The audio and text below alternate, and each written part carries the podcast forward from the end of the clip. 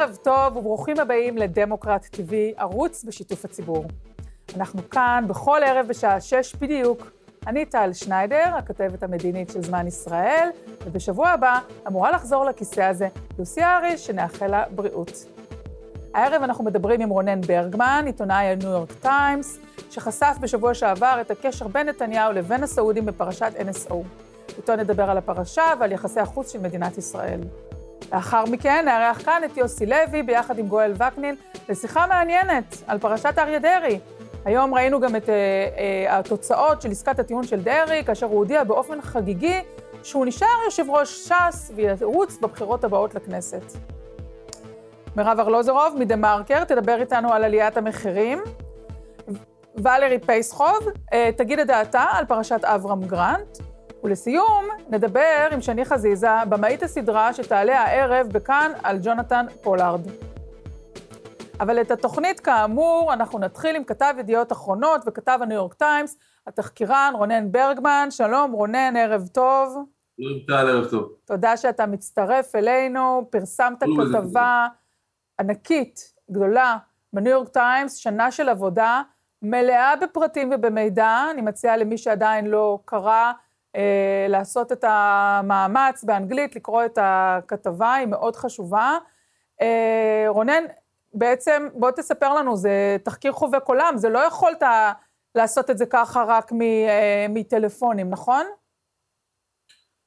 לא, וזה כמובן אתגר כרגיל, גם בימים כתיקונם, לעבוד על נושא שהוא כל כך מורכב, שהוא נמצא במה שקוראים תמיד בליבת הסוד של, לא רק של ישראל, לא רק של ארצות הברית, תכף בטח ניגע גם בפרק האמריקאי של הכתבה הזאת, אלא בעצם בליבת הסוד של הרבה מאוד מדינות שקנו את המערכת הזאת, ולהדגיש, בגלל שלמערכת הזאת יצא, במידה לא, לא מבוטלת גם בצדק, שם כל כך בעייתי, גם מדינות, מדינות מערב אירופה, שמשתמשות במערכת הזאת לצרכים הכי לגיטימיים בעולם, לא מוכנות בשום פנים ואופן שידעו ש...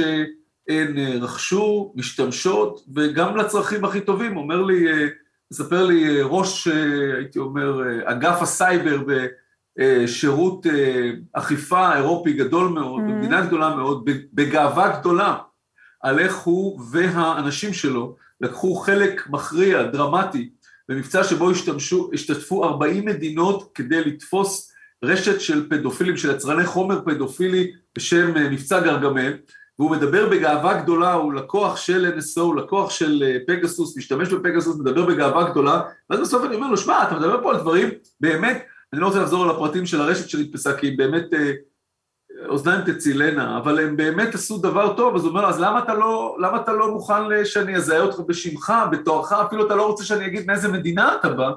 הוא אמר, לא, לא, האנשים, גם במדינה שלי המתקדמת, האנשים לא מוכנים עדיין ל... נגיד, ל, ל, לידיעה שהממשלה שלהם, שהמשטרה שלהם משתמשת במערכת mm-hmm. הפגסוס, ולכן זו הייתה עבודה אה, מורכבת מאוד, אה, מקורות נדמה לי ממשהו כמו 20 מדינות, אה, בזמן קורונה בוודאי, mm-hmm. לדלג בין כל המדינות האלה. מרק מזטי, הכתב הבכיר לענייני אה, ביטחון לאומי בוושינגטון של הניו יורק טיימס, ואני, אה, והיה מורכב, בסוף גם נאלצנו לוותר על חלקים, אגב, רוב מה שוויתרנו עליו היה פשוט בגלל האורך, התאמה של כתבה ארוכה, כן. אני אם הייתי יכול, היא הייתה עוד ארוכה פי שלוש, אבל נאלצנו פשוט אה, להסתפק בסוף בשמונת אלפים מילה, ולהשאיר הרבה חלקים. תגיד, רונן, אה, רונן, אה, בעצם, אתה מדבר על מדינות אחרות שלא בשלות, לא מוכנות היום בכלל להודות שיש להן קשר לשימוש בפגסוס, אבל בעצם ישראל מאוד נחשפת פה, גם בכתבה שלך וגם בכתבות אחרות שמתפרסמות פה, ומה שאנחנו רואים זה שבגלל שהתוכנה או הסייבר ההתקפי, הנשק הזה, מחויב ברישיון, ישראל, אז הרשויות פה בעצם שמות על זה את, ה, אה, את הנדבך הנוסף, את השכבה הנוספת, ומשתמשות בזה לא רק סייבר התקפי, אלא כזרוע מדיניות חוץ. זאת אומרת, אתם רוצים במקסיקו, בפנמה או בערב הסעודית משהו, בואו נראה מה, מה זה נותן למדינה מבחינת יחסי החוץ. תסביר לנו את הקטע הזה. אז קודם כל צריך להגיד שהראשון שבא עם הרעיון להכפיף את NSO לפיקוח מה שהיום קוראים אפ"י, האגף לפיקוח ייצוא ביטחוני במשרד הביטחון, פעם קראו לו סיבת, כלומר למשטר את NSO, באופן שאולי יפתיע אה, רבים מהצופים, אה, זאת NSO עצמה. מי שהיה אז יושב ראש הדירקטוריון, אביגדור, אלוף במילואים, היום זכרו לברכה, אביגדור בן גל, ש-NSO לקחו אותו בעצם כדי לתת איזשהו סוג של, אה, הייתי אומר, ככה מכובדות לחברה, שהוא נגע בידי אנשים מאוד מאוד צעירים, שהיה נראה ש... אה, נגיד ספקות היו בוודאי אה, מקדמים מפניהם כשהם היו באים לכל מיני משטרות באירופה ושירותי ביון בעולם, אומרים אנחנו נספק לכם את הפתרון שאף שירות ביון אחר לא מצליח לספק, והוא, בן גל, אנשים אחרים אה, בתוך NSO הבינו שממילא בסופו של דבר יהיה להם פיקוח של משרד הביטחון, אז עדיף להם לקחת את זה על עצמם בהתנדבות, למרות שבכלל לא, היה, לא הייתה מדיניות של פיקוח על הנושאים האלה של סייבר, גם כי בסוף זה ממילא יהיה, וגם כי אמנם הם יוותרו על חלק מהלקוחות בעצם תהליך ה licensing הזה, אבל יש כאן דבר אחר, וזה שברגע שמשרד הביטחון הישראלי מסכים, נותן רישיון, זה מגן עליהם אחר כך, נותן להם עוד איזשהו ככה מעטפת של ביטחון, הנה, משרד הביטחון אישר את זה אם מישהו יבוא אליהם בטענות. עכשיו, בהמשך, או כמעט במקביל הייתי אומר, משרד הביטחון הבין שיש כאן הזדמנות, עוד הזדמנות, לרתום את תעשיית הדיפנס הישראלית לטובת צרכים מדיניים. עכשיו, זה לא חדש. בן גוריון בשנות החמישים, יחד עם אה, ראש המוסד הראשון, ראובן שילוח, אה, ניסחו ויישמו והוציאו לפועל את מה שנקרא אה, אסטרטגיית או תורת הפריפריה.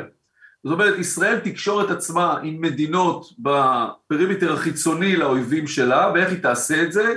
היא תעשה את זה בצורה של מענק, הענקה של נשק והדרכה צבאית וטכנולוגיות בהמשך, ובתמורה תקבל דריסת רגל באותן מדינות למבצעים של המוסד וצה"ל נגד האויבים של מדינת ישראל, בתמורה תקבל הצבעות באו"ם, mm-hmm. אחר כך הרחיב את עצמו למדינות אחרות שלא היו בכלל ב, ב, באזור של המזרח התיכון, זה בעצם מה שעשו עם NSO, אה, כמו בשנות החמישים, כך בשנות ה, אה, העשור האחרון בעצם, אה, ואפשרו כניסה חשאית של יחסי החוץ והאינטרסים של הביטחון הלאומי, בתמורה לנגישות, זה... לנשק הסייבר העוצמתי, שכל העולם רוצה אותו. זה ממשיך לדעתך גם בזמן הווה מול ערב הסעודית למשל, שאנחנו ראינו בכתבה את הפרטים, כיצד אה, בטלפון אה, מול נתניהו באופן ישיר, אה, ערב הסעודית אה, ממלאה או מתקדמת עם ישראל במשהו שישראל רוצה, ובתמורה ישראל מאפשרת להם להמשיך להשתמש בזה מאז ישראל. זאת אומרת, ראש הממשלה ברמה האישית, ראש הממשלה לשעבר, ברמה האישית, מעל הטלפון עם, אה, עם המנהיג הסעודי. זה גם קורה בהווה?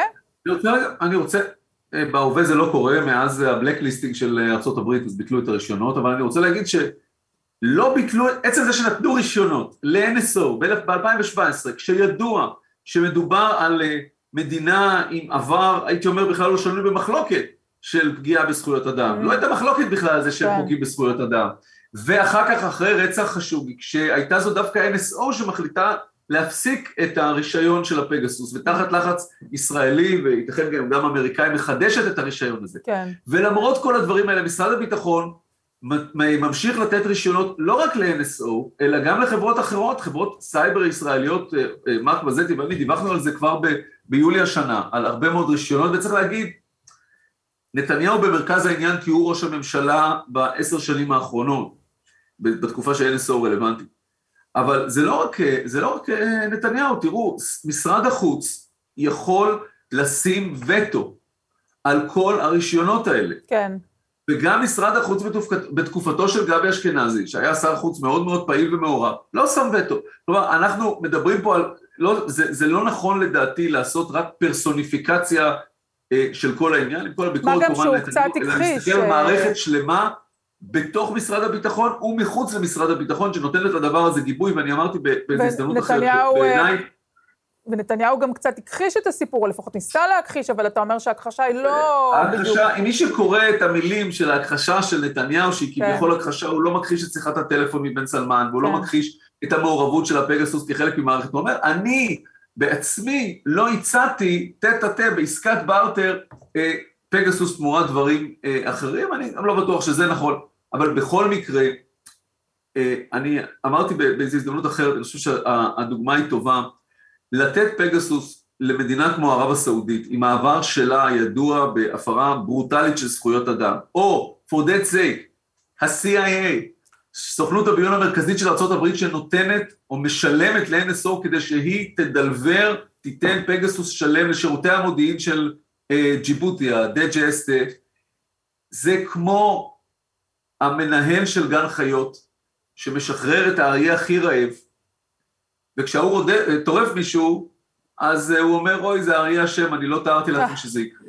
זה ברור שזה יקרה. אהבתי את הדימוי, זה גם עונה למה שהחברה טוענת, כולל מה שהציג המנכ"ל שלהם בערוץ 12 במוצאי שבת, שבעצם הוא נתן, הוא, נת... הוא רק ייצר את הגרזן, הוא לא הפעיל את הגרזן. יש, בכל זאת צריך לשים, תראו, הנושא של אחריות הוא נושא שהוא נמצא במרכז הפרשה הזאת, ונמצא גם במרכז התביעה שפייסבוק, שהיא הבעלים של וואטסאפ, הגישה כן. בבית המשפט המחוזי בקליפורניה נגד, נגד NSO. תראו, יש פה כן. שאלה של אחריות.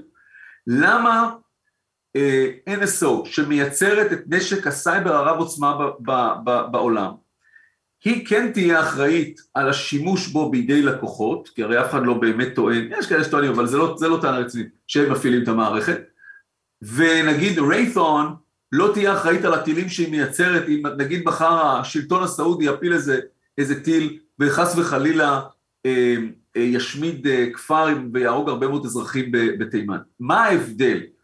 אז יש, אגב, יש תביעה מאוד מעניינת בארצות הברית של ממשלת מקסיקו נגד מפעל אמריקאי לייצור אקדחים. Mm-hmm. שנטען, אתם ידעתם שהאקדחים האלה סביר להניח שיגיעו לידי הקרטלים. לא אתם לחצתם על ההדק, כן. אבל אתם, גם אתם אחראים. יש פה שאלה של אחריות, צריך להגיד רק דבר אחד על הפגסוס, שאולי מייחד אותו מכל אה, נשק אה, אחר.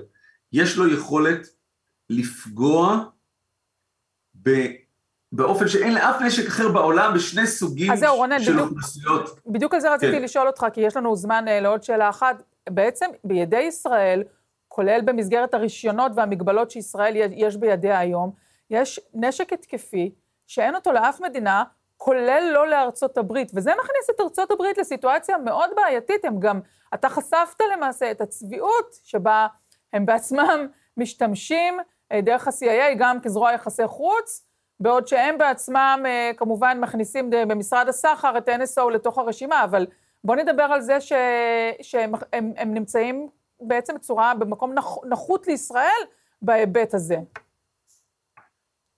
אין לי ספק שבידי, בעיני, אה, בפני חלק מהמחוקקים האמריקאים וה staffers וה-Department of Commerce שהחליטה להכניס, או נענתה להוראה להכניס, אבל לא הם באמת החליטו, את NSO ל, לרשימה שחורה, היו גם שיקולים כבדי משקל, נכונים, רלוונטיים, לגיטימיים מאוד, בטח עבור הממשל הזה ש... דוגל מאוד בהקפדה על זכויות אדם, אה, נושאים של זכויות אדם. כי הנשק הזה, יותר מכל נשק אחר, יודע לטרגט, אה, לפגוע בסיביל סוסייטי, בחברה האזרחית של כל מדינה, עיתונאים, פעילי זכויות אדם, עורכי דין, אה, פוליטיקל, פעילים פוליטיים וכאלה. מצד שני, נדמה לי שהמסקנה שלנו שניסחנו אותה, שמנוסחת בשער של הניו יורק טיימס מגזין, בכתבה של מרק ושלי, היא המסקנה שמאחורי כל הדבר הזה נמצא המאבק בין ישראל לארה"ב מי ישלוט בנשק הסייבר הכי עוצמתי עלי אדמות. והמאבק הזה הוא לא רק בגלל זכויות אדם.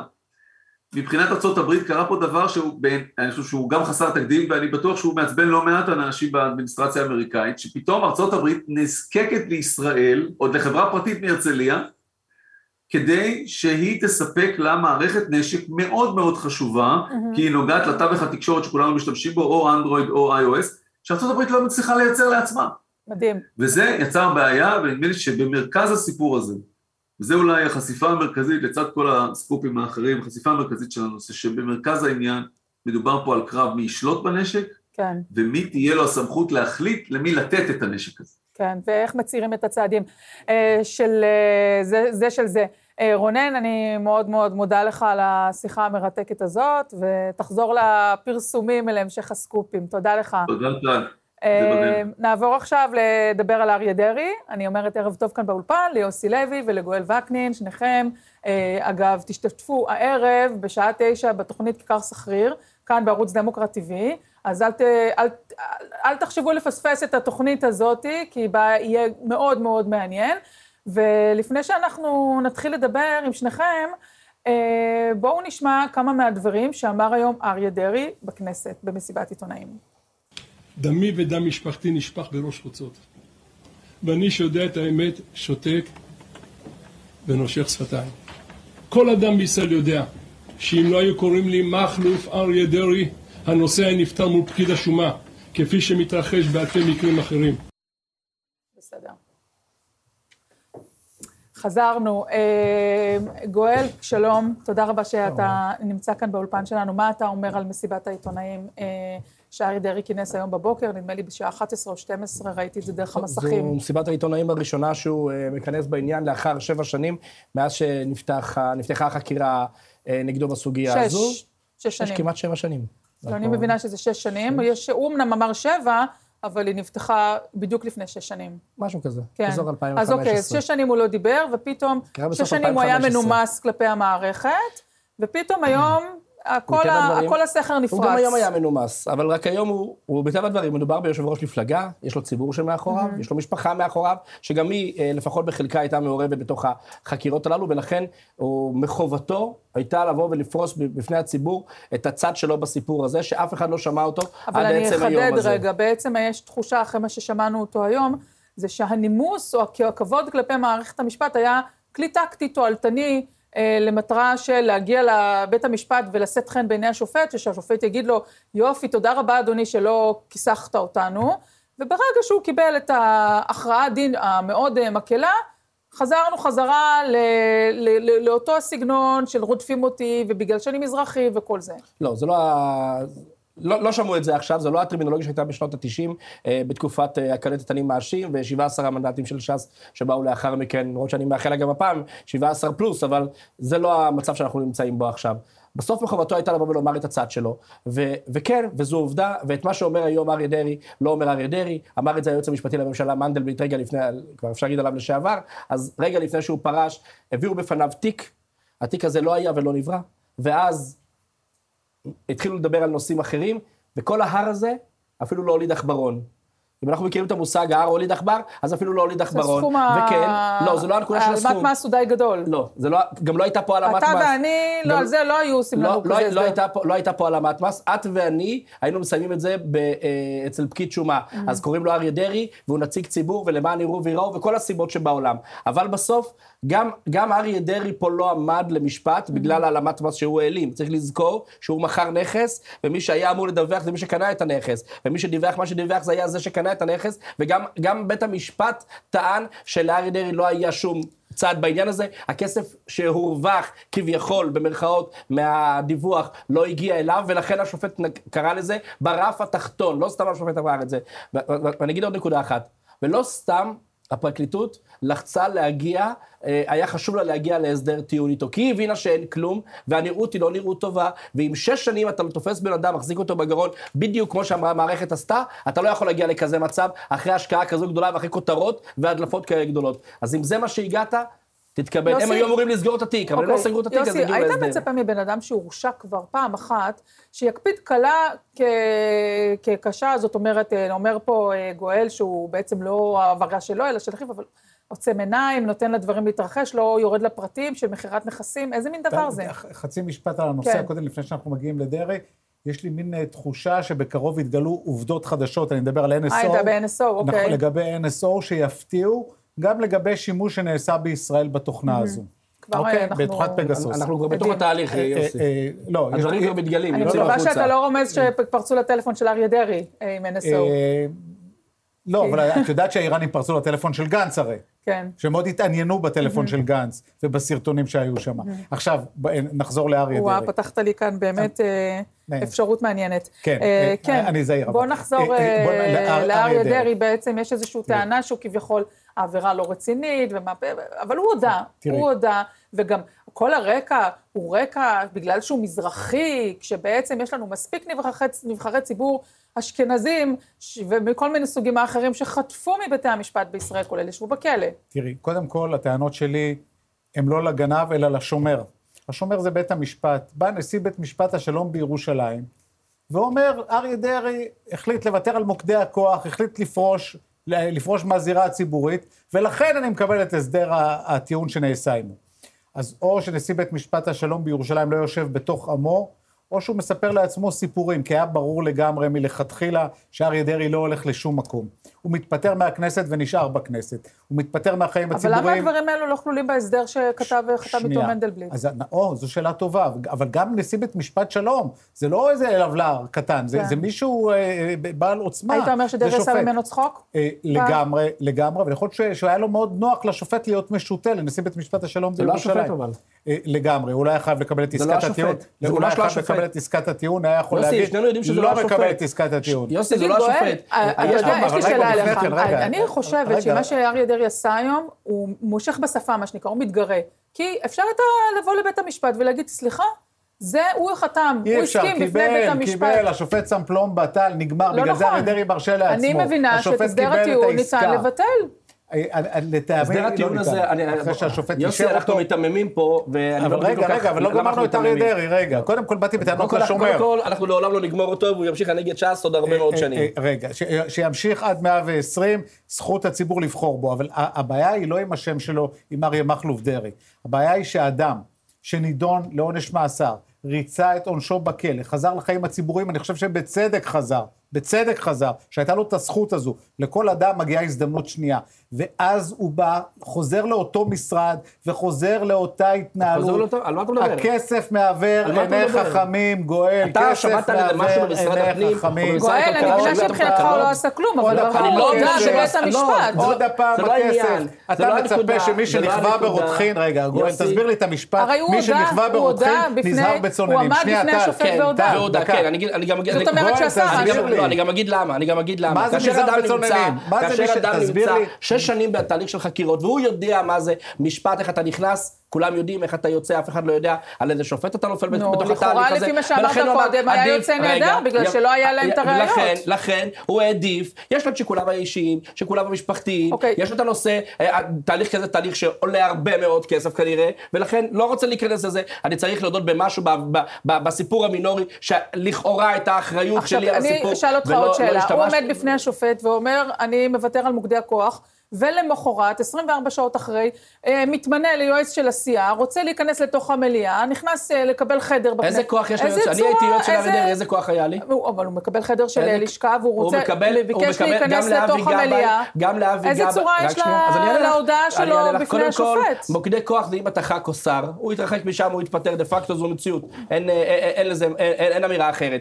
הוא יושב ראש מפלגה, אף אחד לא חשב שהוא עוזב, לא כשעשו איתו את ההסדר. אגב, את רואה שגם כאשר הפרקליטות אחד לא עושה חשב? איתו זה את ההסדר... כתוב בהכרעת דין שהוא עוזב. הפרקליטות עשתה איתו את ההסדר וידעה שהוא פורש מהחיים הפוליטיים והוא לא פורש מראשות תנועת ש"ס, כי היא הבינה שאם היו דורשים את זה ממנו לא היה הסדר, ואז יכול להיות שהם היו מובכים בבית המשפט. אתה מרגיש שהעסק הזה מקרב את הפרקליטות לבוא אה, ולטעון, הרי יש להם את הזכות לבוא לבית המשפט ולהגיד, אנא הטילו עליו קלון. אין שום אין, סיכוי אין, שזה להם, יקרה. אין להם שום זכות, זה לא יכול אין- לקרות. אין להם סיכוי. זכות. אין להם זכות, הוא, פרש ממוקדי הכוח, הוא פרש לא, מ- מ- מ- הסיכום מחברות איתו כנסת. היה שלקראת ההתמודדות הבאה, הם שומרים לעצמם את הזכות לגשת לבית משפט בואי ולבקש קלון. נדון, אז כרגע אין אתה התמודדות. חושב, אבל מה. שהוא עשה היום, אתה חושב שמקרב את זה? יש להם את הכוח הפוליטי לזה? טל, לא עכברא גנב, חורא גנב.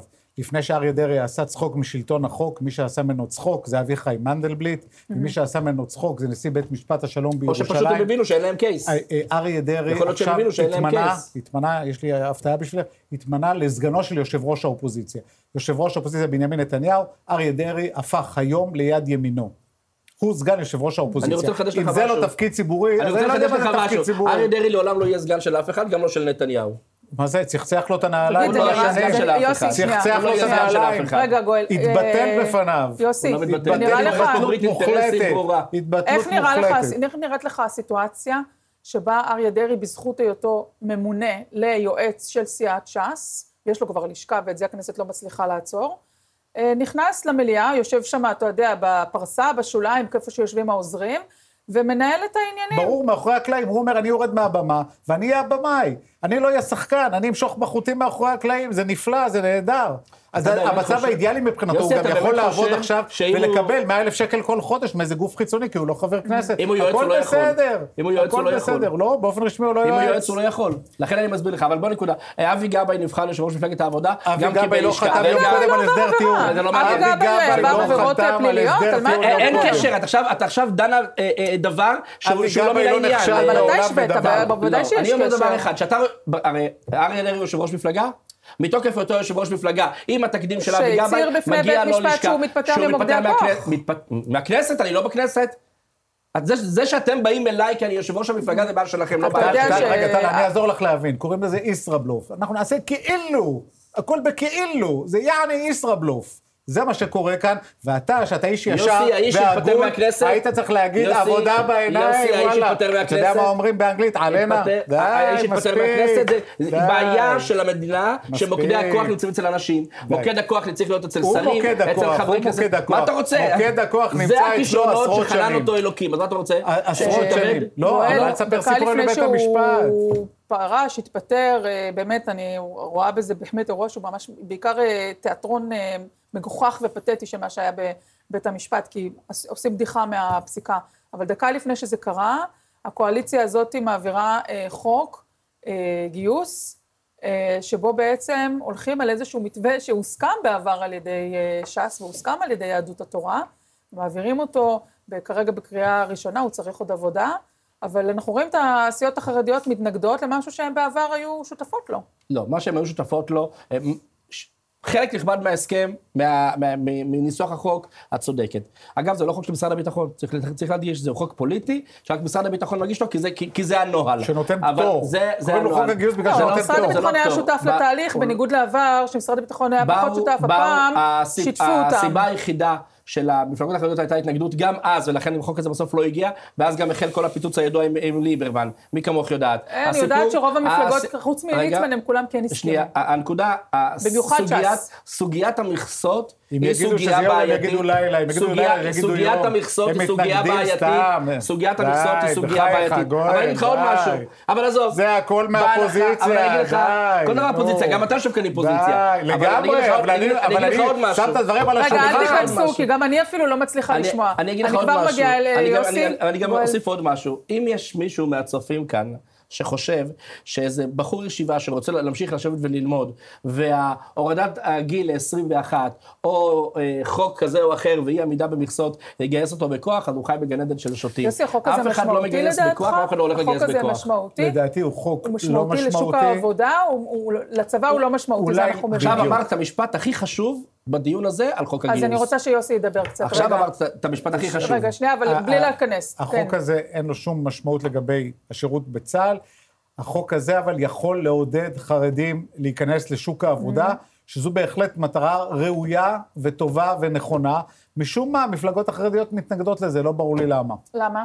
כי אם, אמרתי, אם הם יגידו לבן, הם יגידו תגיד, שחור, יגידו יום, יגידו לילה. אתה רואה איזושהי טרנספורמציה בהנהגה החרדית? בכל זאת, אני מרגישה, למרות מה שקרה עם דרעי, דרעי השבוע, אני כן מרגישה איזשהם, אה, תקופה של שינוי, שאנחנו עוד לא רואים את, אה, את הקצה שלה. זאת אומרת, יש לנו את ליצמן, גפני לא מכריז שהוא אה, עוזב, אבל גם היה לו שנה לא פשוטה, הוא היה עבר אה, אירוע לב וכולי, הוא מגיע, הוא, הוא איכשהו נמצא בסביבה של, שצריך להחליט מה הלאה.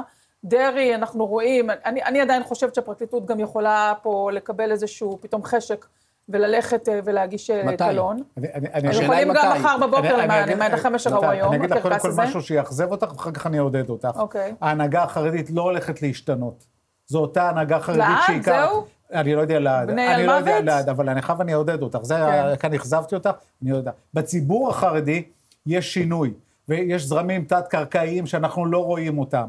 ושם יש שינוי גדול. מה, שם- של יציאה שם- לעבודה? נכון, גם של יציאה לעבודה, אבל בכלל. כל הנקודת ההסתכלות, לימודי ליבה? כל הנקודת ההסתכלות שהרבי אומר לעשות ככה ועושים Mm-hmm. ככה, זה, זה הולך ו- ומתפוגג. האנשים האלה לומדים, יוצאים לעולם הנאור, פוקחים עיניים ומבינים... מה זה לעולם הנאור? אני- הבן שלי אני שלומד אגיד לך. בישיבה הוא לא בעולם הנאור? אני אגיד לך לא מה זה עולם הנאור.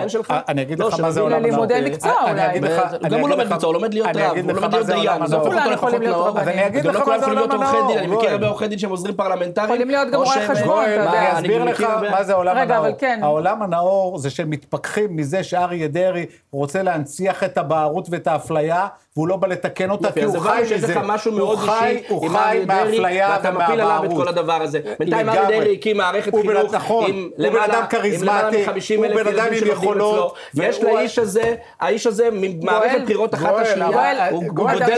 אותך, רגע, אבל תרשה לי משפט לשאול אני אותך. מנסה להשלים. אתה לא יכול להגיד דברים לא, שהם לא נכונים, תגיד תן לי להשלים משפט. אני לא מסוגל. לשמוע- אי אמת, זה- קשה- לי. אז, אז תשמע, אריה דרעי הוא איש כריזמטי, הוא איש עם עוצמה, הוא איש עם אהדה, הוא ראש מפלגה עם כוח גדול מאוד, ולכן הוא היה יכול לפעול לצמצום פערים ולא להנציח אותם. ככה הוא מנציח גואל, את, את אז אני הפערים. יכול ואת רק הפערים. תרשה לי לשאול אותך, לגבי מה שאמר אה, יוסי, שהציבור החרדי כבר פחות מקשיב אולי להנחיות של ה- אה, המנהיגים הפוליטיים. אנחנו רואים לאורך השנים שמספר המנדטים אה, לא ממש עולה. ש- שבע וש"ס שמונה, תשע. לפי הריבוי, הכמות באוכלוסייה, אמור היה כבר להיות יהדות התורה בתשע לפחות. עכשיו, למה אני שואלת את זה? ש"ס הייתה פעם שנייה, 17, הייתה צריכה להיות 30. בסדר, זה ירידות לא, שהן לא, לא לא, קשורות לא, ל... לא, אבל שנייה, שנייה, בוא נשאל. רגע על הגדילה של הציבור, של המשפחות. אחת מהשתיים, או שהם הולכים לקלפי, הציבור שלך הולך לקלפי ולא עושה מה שהרבנים ביקשו מאחורי הפרגוד, מצביע למישהו אחר, אני לא יודעת למי, אולי ליכוד, אולי... בעיקר. הצעירים. או, בעיקר הצעירים. או, וזה הרי אין לנו כל כך הרבה מערכות בחירות, או שיש איזושהי תופעה של אה, עזיבת העולם החרדי של, שנמצאת אולי בשוליים ומוכחשת ולא מסופרת, אבל היא קיימת, אחרת היינו רואים אני כבר את. יהדות התורה אני- בתשע. לא, לא הייתי יכול לראות יהדות התורה בתשע למה? בחיים. איפה כל- כי- כי זה איפה. כל כי- ה-12 כי- ילדים כי- במשפחה? למה כי- למי כי- מצביעים? כי לא כל משפחה יש 12 ילדים, והמשפחות היום עם השנים הולכות וקטנות יותר, זה כבר לא המשפחות של 12 ילדים. עדיין. זה עדיין לא. אני- אני אני חי שם, אני גר אני גר בשכונה שהיא אולטרה חרדית. שבע או שמונה זה גם הרבה. מאוד ביחס לעולם רגע, החילוני. שנייה. גם שלוש זה זה הרבה ביחס לעולם החילוני. לא. גם גם שלוש, ארבע, אה, נטול כלב. לא, אני מזמינה אותך אבל- לשכונה אבל אני- שלנו, אצלנו אז- כולם ארבעה אני- חמישה. אבל. אבל- אבל איפה איפה הציבור את גרה החרדי? בבני ברק? לא. יפה. אז עכשיו אני רק, אני רק רוצה להגיד דבר אחד. לפני הבחירות האחרונות והקודמות להם, טענו שהציבור יעניש את המפלגות החרדיות. יהדות התורה עלתה לשמונה מנדטים, ש"ס טיפסה לתשעה מנדטים. המנדט השמיני לא ו- בדיוק היה שם. אבל היה, אבל היה, לא. בסוף היו שמונה מנדטים. היו שבעה. ש- אירוע אחד, בחירות לאחר מכן, הייתה ירידה לא בקולות, במנדטים, אני מדגיש, לא הייתה ירידה בקולות, Mm-hmm. הייתה ירידה במנדטים. אז ודאי, אני מסייג את הדברים שלי. מנדט שמיני לא היה להם בשום יש- שלב. הם יש- שש, היה שבע. פעם אחת. בין ארבע מערכות הם הרי לא התווכחו. הם התווכחו על המנדט השמיני הזה. לא. ואז יצאו. הם התווכחו על זה, נכון. יש גידול, יש גידול טבעי בציבור החרדי, שהוא גבוה. יותר מאשר בציבור החילוני כזאת, ודאי שיש מסורתי. בציבור החרדי? כאלה שנמצאים אה, אה, בחוץ, או שהם הולכים ומצביעים למפלגות אחרות. אבל יש נתון אחד עובדתי. גם הליכוד וגם הציונות הדתית של סמוטריץ', שעשו, אה, אה, וגם נפתלי בנט דרך אגב, שעשו אה, קמפיין מאוד גדול, קמפיינים גדולים בתוך המגזר החרדי, תסתכלי בריכוזים החרדיים, מה היה אחוז ההצבעה וכמה הצביעו להם. בסוף זה היה זניח. אז נכון, אז יש טוב. כאלו שמצביעים, יש בציבור החרדי קבוצה מסוימת. שנהייתה. ימנית מאוד. הוא מדבר לא שים באוטוסטרדה. הוא טוב מאוד. אני נקודה. גואל, פעם ראשונה שאני. מראיינת אותך, אתה טוב מאוד באוטוסטרדה. אה, אה, יוסי, שים משפט. אחרון. אה, אני רוצה לשאול אותך רגע אחד. הצעירים לא, לא, לא, לא, החרדים, שנייה, רגע, אני רוצה לשאול אותך משפט אחרון. אני רוצה שאתה. תגיד לי את דעתך על ההתנהלות של אריה דרעי היום. האם הוא פגע לעצמו, כי הולך להיות פה איזשהו, אתה יודע, מזכיר לי את קצב, כמו שהדברים האלו הלכו וחזרו. יש לי תחושה שמה שהוא עשה היום היה מוגזם. אבל אני למדתי מגואל, קודם כל אני אגיד מה שרציתי לומר. יש לך הצעירים- תוכנית שלמה אחר כך הצעירים- לדבר. הצעירים החרדים גילו שיש הבדל בין אלוהים לבין העסקנים, והם לא צריכים את העסקנים שלהם שיתווכו אותם לאלוהים. עכשיו לגבי מה ששאל, אריה דרעי. נהג בצורה חכמה מאוד. אה, הוא בעצם אומר למערכת המשפט, אף פעם לא עשיתי לכם חשבון, אני ממשיך לא לעשות לכם חשבון, ובצדק הוא אומר את זה. אם הוא רואה את לא, אמרתי, לא יהיה לזה מחיר לדעתך? שום מחיר. כלום. שום מחיר. אתה לא סומך על ה... המחיר הוא אומר, אני כאן. היועצת המשפטית הבאה, שיהיה. לה אומץ. לא רק סגור. בגלל השם שלי, הוא אמר, אם לא היו קוראים לי כן. אגב, שום דבר עדיין לא. סגור. הסדרי אה, הטיעון, לדעתי, כקונספט, חטפו היום מכה אנושה. טל, את בעצמך יודעת אה, שהסיפור זה- עדיין לא סגור, בואי נחכה להתמודדות. אני מאמין שגם שם יכולות להיות הפתעות. אבל נכון לפריימריז לעכשיו- בתוך ש"ס. פריימריז לא יהיה. לנו יש את גדולי ישראל, אה, תודה רבה. לכם שניכם, גואל, יוסי, נמשיך איתכם בערב. אה, בעוד רגע אנחנו נדבר עם מירב ארלוזורוב על עליית המחירים, אבל עוד לפני כן, הערב, ופותחים את הפה, ולרי פסחוב על פרשת אברהם גרנט. בבקשה. אנחנו לא צריכות להיות מופתעות מהיחס שמקבלת החשיפה על שנים של אלימות מינית שהפעיל אברהם גרנט. אחרי הכל, זאת לא הפעם הראשונה שעולם הכדורגל הישראלי שומע על אלימות מינית ומושך בכתפיים. ואנחנו לא באמת מופתעות, אנחנו פשוט זוהמות. כל עמי ומי ממהרים לצופף שורות בחסות התקשורת. מחצית מכלי התקשורת לא מסקר את הסיפור בכלל, והחצי האחר ממהר לפרסם דברי תמיכה של צופית גרנט וטורי דעה שמסבירים שבאמת הכללים השתנו, וקשה מאוד לאנשים כמו גרנט, ושזו רק אלימות קטנה. אז בואו פשוט נסתפק בחשיפה, ולא נדרוש קבלת אחריות או תיקון, אבל אנחנו כאן כדי להזכיר מה באמת קרה.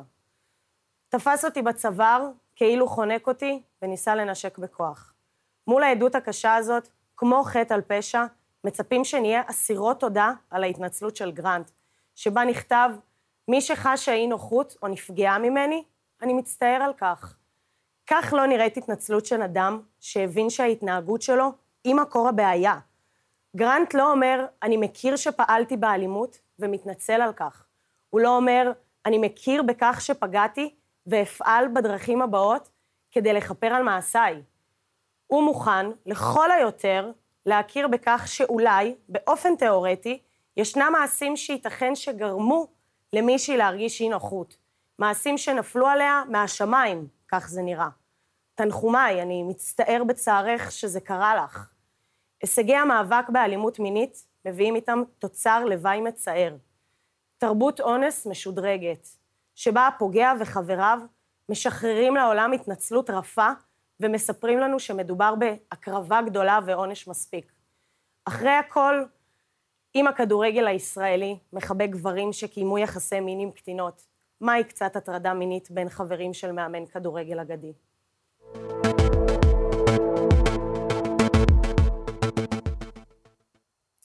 ונזכיר שאברהם גרנט, כאמור, הגיב לתחקיר ואמר שהוא פעל במשך כל חייו בכבוד לכל אישה ואיש, מעולם לא התכוון לנהוג בחוסר הוגנות או לפגוע, וגם הוסיף התנצלות כלפי מי שחשה פגועה. ועכשיו אנחנו נעבור לנושא הבא, אה, בנושא עליית המחירים אה, בחשמל, במוצרים. כל העלייה נמשכת. אתמול אה, עלו מחירי החשמל וגם הדלק. במקביל, הודיעו באוסם שהם מקפיאים את עליית המחירים בעוד כשלושה חודשים, וכך גם חברות נוספות הצטרפו לטרנד. זאת אומרת, לקראת פסח המחירים יעלו. Uh, כדי לדבר איתנו על המצב הכלכלי ועל עליית המחירים, אני אומרת שלום למירב ארלוזורוב, פרשנית בכירה בדה-מרקר. היי מירב. אהלן, ערב טוב. ערב טוב. תודה שאת מצטרפת אלינו. קודם כל, מה את אומרת על הצד של, של אוסם? מרשים?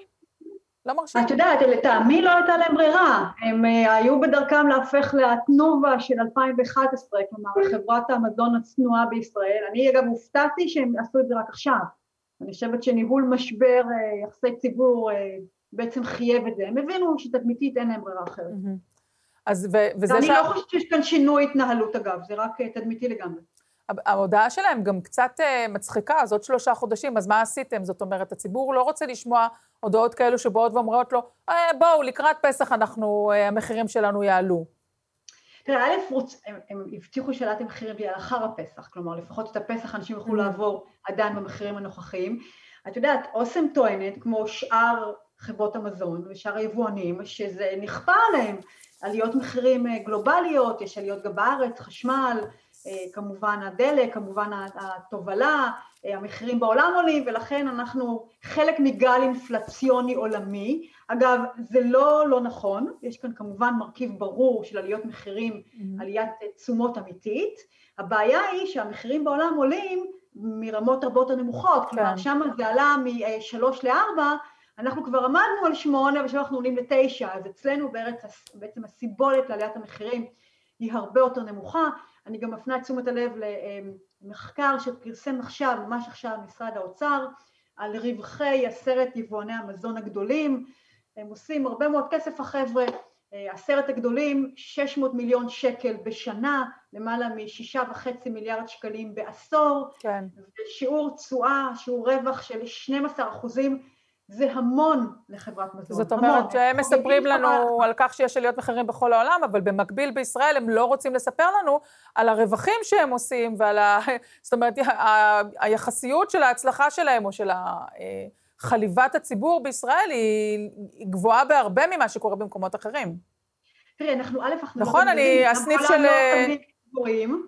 בארץ כל החברות האלה כיום הן פרטיות, לכן אנחנו לא יודעים את שיעור הרווח שלהם, אבל כאמור, משרד האוצר, שלהזכירכם יושב עם הנתונים של רשות המיסים, פרסם עכשיו, ממש עכשיו, את, אה, עבודת מחקר, שניתח את, אה, את הרווחיות של אה, עשרת היבואנים הגדולים, והגיע כאמור, כאמור לשיעור רווחיות של 12 אחוזים, זה באמת... ואחת מהן, אני פשוט, אה, אני לא רוצה לטעות בשם, אחת מהן אה, היא גם, היא חלק מרשת גלובלית, והיא נחשבת לחטיבה הכי רווחית של אותו גוף אה, בינלאומי, זאת אומרת, אה, אין, אין מחלוקת על זה שהם כאן עושים על הציבור הישראלי, את באמת, אה, מתכוונת לאוסם, לא, לא, עבודת מחקר דנה ביבואניות, אוקיי, לא ביצרנים.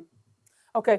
אה, בכל מקרה זה, תראי, אה, אני רוצה לומר משהו, אנחנו עכשיו בדיוק משלימים כעשר שנים למחאת יוקר המחיה של 2011 ולדוח ועדת טרכטנברג שנועד לטפל בכשלים שהובילו אז ליוקר המחיה. אני מזכירה לכולנו, יוקר המחיה אז, ב-2011, הצעקה הגדולה הייתה על שלושה דברים, אחד הדיור, דפני ליף עם האוהלים, כן, נכון? מהמם. שתיים היה מחאת הקוטג', קוטג', ושלוש היה מחאת העגלות.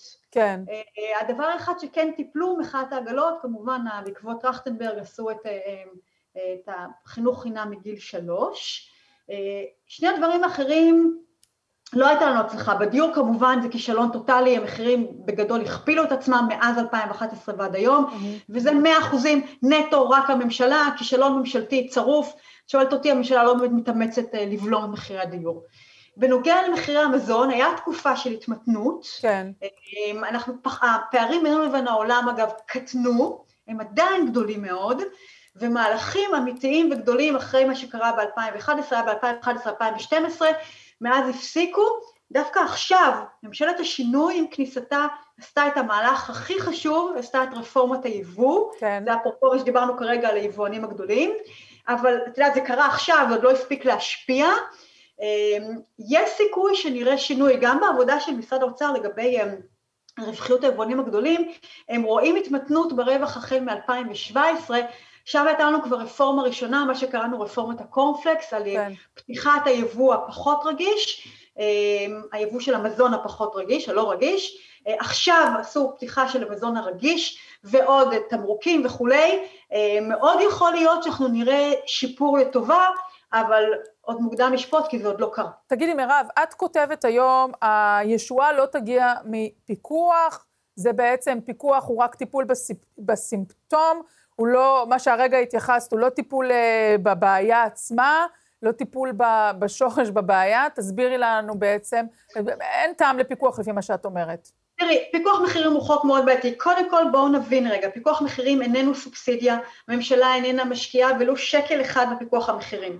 כל מה שהממשלה עושה זה מזהה אה, ענף או מוצר שאיננו תחרותי, כלומר שיש שם מונופול או קרטל או איזושהי שליטת, אה, איזושהי שליטה כוחנית וניצול לרעה של כוח שוק, ומה שהיא עושה זה היא באה ומפקחת כדי למנוע את הניצול לרעה. כלומר, קודם כל תנאי מקדים חייב להיות שיש שוק ריכוזי. ושיש בו ניצול לרעה של כוח שוק. עכשיו, זה תנאים שמאוד קשה להוכיח אותם. כן, לכן מלכתחילה היכולת לפקח היא מאוד מוגבלת, וגם אם נוכיח, נניח, אני סתם אקח דוגמה, אה, בסדר? הבמבה של אוסם, אני מניחה שיש סיכוי טוב שזה באמת שוק ריכוזי, אה, אז האם להטיל שם פיקוח, האם זה מה שיפתור לנו את הבעיה? אה, את יודעת, זה פוגע בשוק, זה פוגע בתחרותיות, ובסוף זה לא יפתור לנו את הבעיה מבסיסה, והיא היעדר התחרות. מהמם. הרפורמה ביבוא שעברה עכשיו, היא זו שנועדה לפתור את הבעיה מבסיסה, כלומר שאוסם לא תשב, לא תשב לבד על המדף, יהיו לה מתחרים. כן, פסטה אגב למשל, בפסטה אני לא חושבת שיש ריכוזים, בפסטה לצד הפסטות של אוסם יש הרבה מאוד סוגי, סוגי פסטות אחרים שהציבור מוזמן לקנות אותם, כלומר דווקא בפסטה, וגם כבר הרבה עכשיו, שנים. לא יוטל פיקוח בשום, בשום שלב כי אין שם, אין שם בעיה של כן. ריכוזיות. עכשיו ככל שנפתח את היבוא יותר, ככל שיותר יבואנים יוכלו לעלות על מדף הפסטות, סביר להניח שאוסם תישאר במיעוטה מוזהרת עם המחירים הגבוהים שלה, כי הם מספיק חלופות שנוכל לקנות דברים, דברים אחרים יותר תגידי, בזול. עקבת... זה, שם צריך להיות מושקע מאמץ. כן, תגידי, עקבת במקרה אחרי איזשהו ניסיון, אה, שנראה ניסיון פוליטי כמובן, אה, לעורר, להעביר אה, מחאה חברתית, הציגו היום כל מיני קבוצות שיועציו של נתניהו בעצם יזמו, הרימו אותן בשביל לפתוח את ה... לא, לא קוראים לזה מחאת אוהלים, מחאת המזון, אני לא יודעת איזה שמות כאלו, שמחזירים חזרה את 2011, ראית את ההתארגנות הזאת שהיא נראית לא, לא אותנטית כרגע?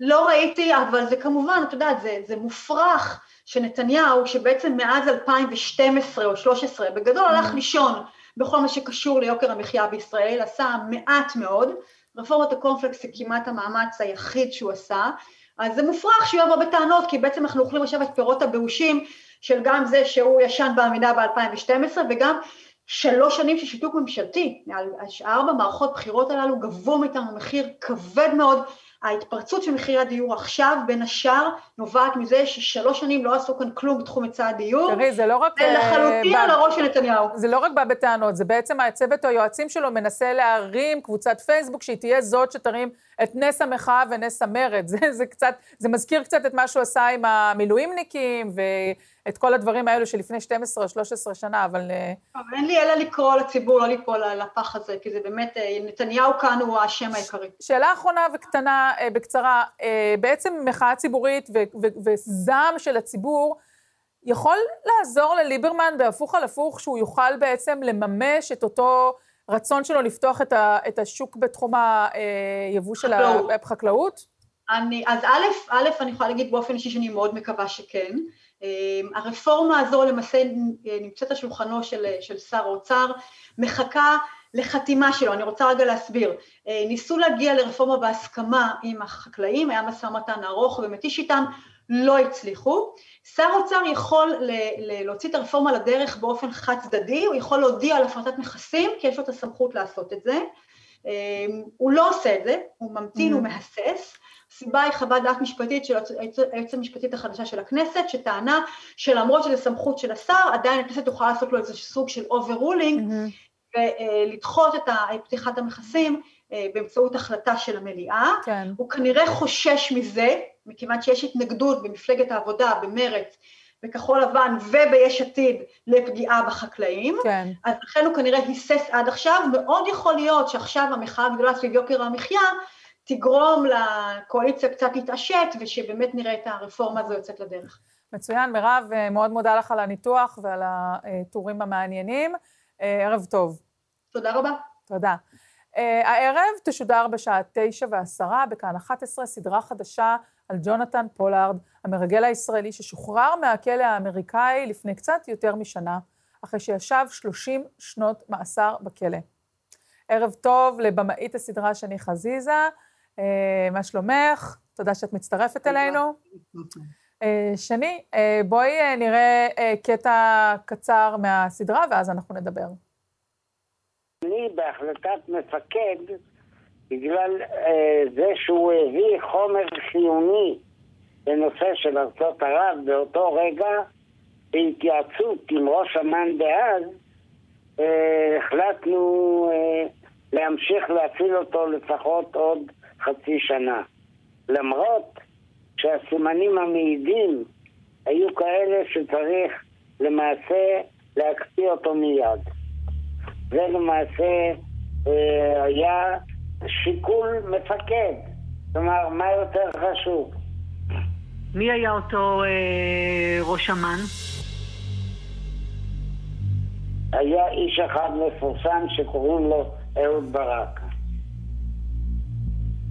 הוא, שביקש ממני להמשיך להפעיל אותו מאחר והוא הביא חומר חיוני. תראו, אני שומע את הטענה הזאת פעם ראשונה, את התיאור הזה, ו...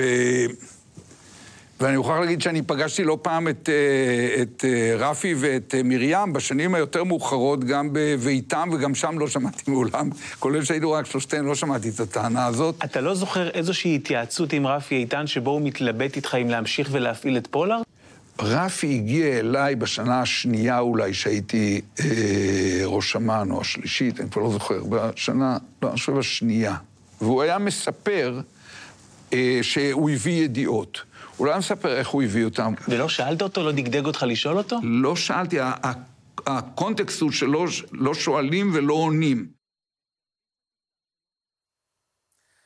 שני, אה, לא פשוט אה, לבחור לחזור לנושא כזה, שהוא גם מורכב, אבל גם באמת אה, נחשף ודובר, ואת יודעת, היה על זה כל כך הרבה חומרים וכל כך הרבה עיסוק, הן בארצות הברית והן פה. מה ההחלטה לחזור דווקא לנושא של פולארד אחרי כל כך הרבה שנים? אז האמת היא שההחלטה לעשות סדרה על פולארד הגיעה מעומרי אסנהיים, שהוא המפיק והיוצר של הסדרה הזו. הוא היה בשנת uh, לימודים בסטנפורד, ושם הוא נחשף בעצם לפרטים שהוא לא הכיר בסיפור דרך איזושהי שיחה שהייתה לו עם ג'ורג' שולץ, אחד האנשים שהיו לו, uh, שהיה מאוד דומיננטי בסיפור הזה. Uh, ומשם הכל התגלגל, אני עבדתי על משהו מקביל שהתעסק בכלל בלק"ם, וככה חברנו uh, דרך... אה, מכרה משותפת, עבדנו פעם ביחד, עמרי ואני בעובדה, והחלטנו לעשות את זה ביחד. אה, כשאני לצד גלעד טוקטלי, אה, יש לציין, מביימת את הסדרה. עכשיו, נכון, את אומרת 30 שנה, וזה גם המחשבה בהתחלה, מה אפשר לחדש? אז אני חושבת שמי שיראה את הסדרה, את ארבעת פרקי הסדרה, יבין שיש עוד כל כך הרבה שלא נאמר, יש כל כך הרבה שלא רק שלא נאמר ולא סופר, כל כך הרבה הוסתר במשך השנים.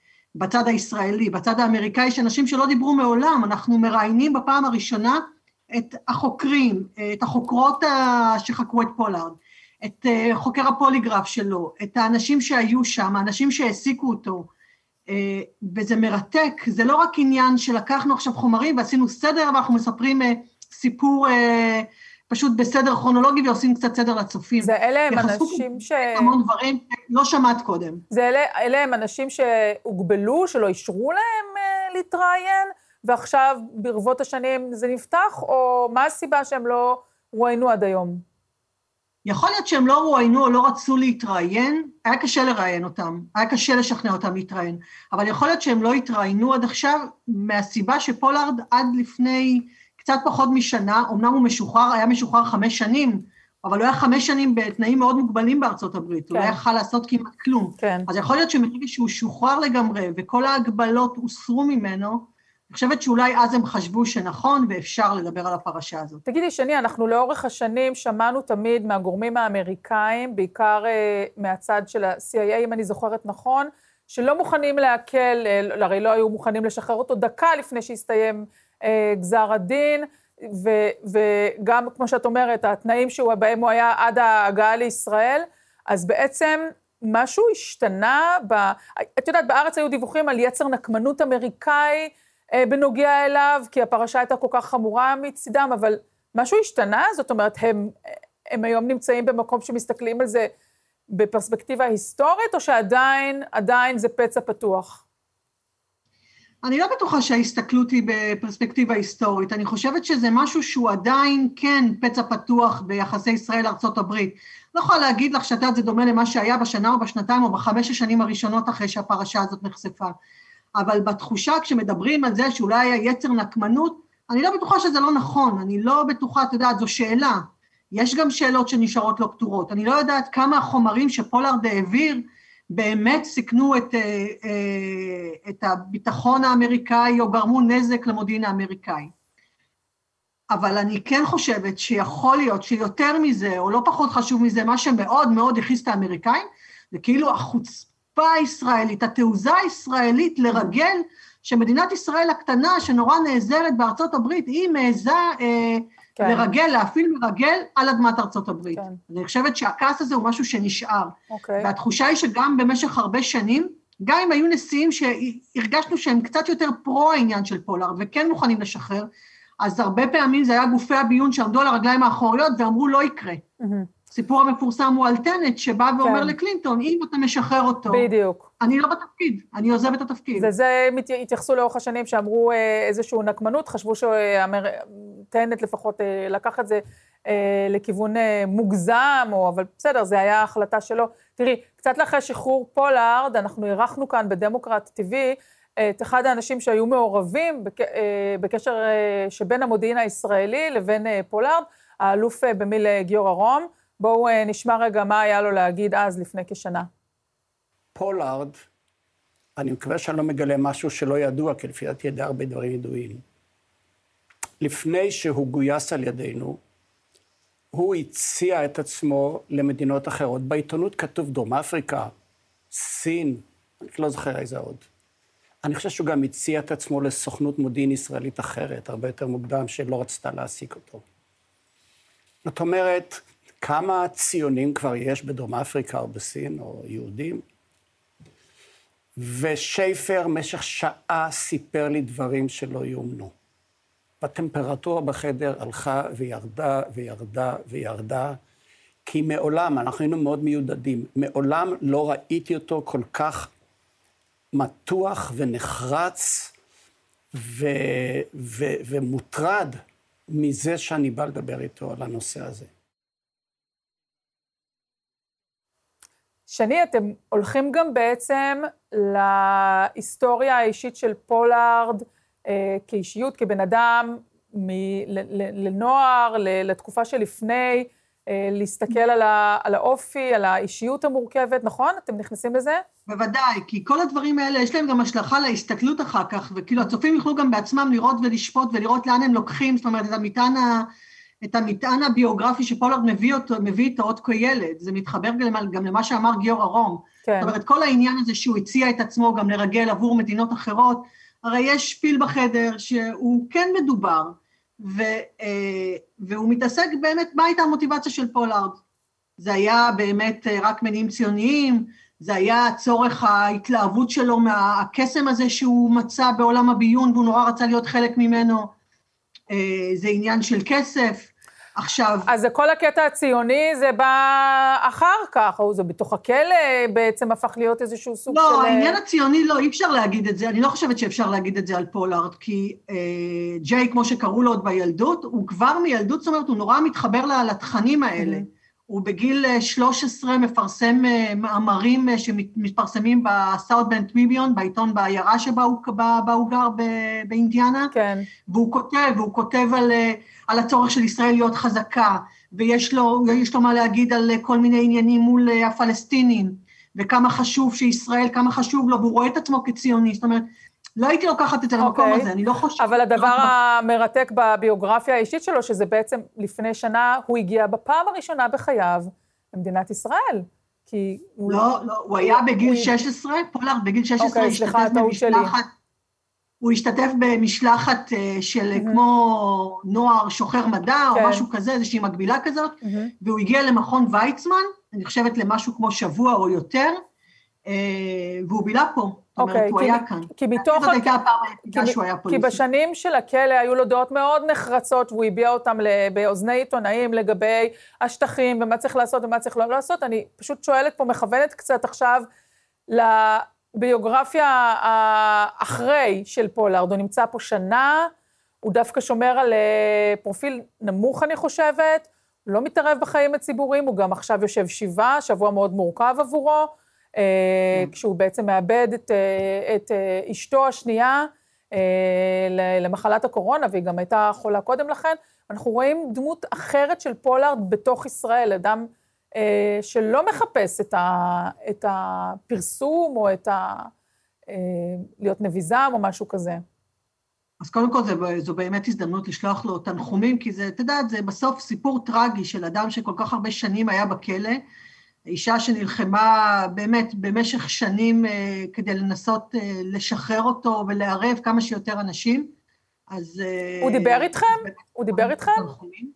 אנחנו דיברנו עם האנשים המאוד קרובים לו, למעט ראיון שהוא נתן בישראל היום, הוא לא התראיין מאז. היינו בקשר עם האנשים הקרובים לו, ואנחנו מביאים גם אנשים שמספרים על מה עבר עליו, אנשים שבאמת מאוד קרובים ויכולים אולי לא לדבר בשמו, אבל ככה להשמיע את קולו. את רומזת שהוא לא בהכרח התנגד לעבודה על הסדרה הזאת, הוא לא... הוא, הוא לא, אה, לא, הוא, לא ראיינתם אותו, אבל הוא גם לא, זאת אומרת, הוא כן שיתף פעולה, אפשר לדבר עם מקורבים אליו וכולי.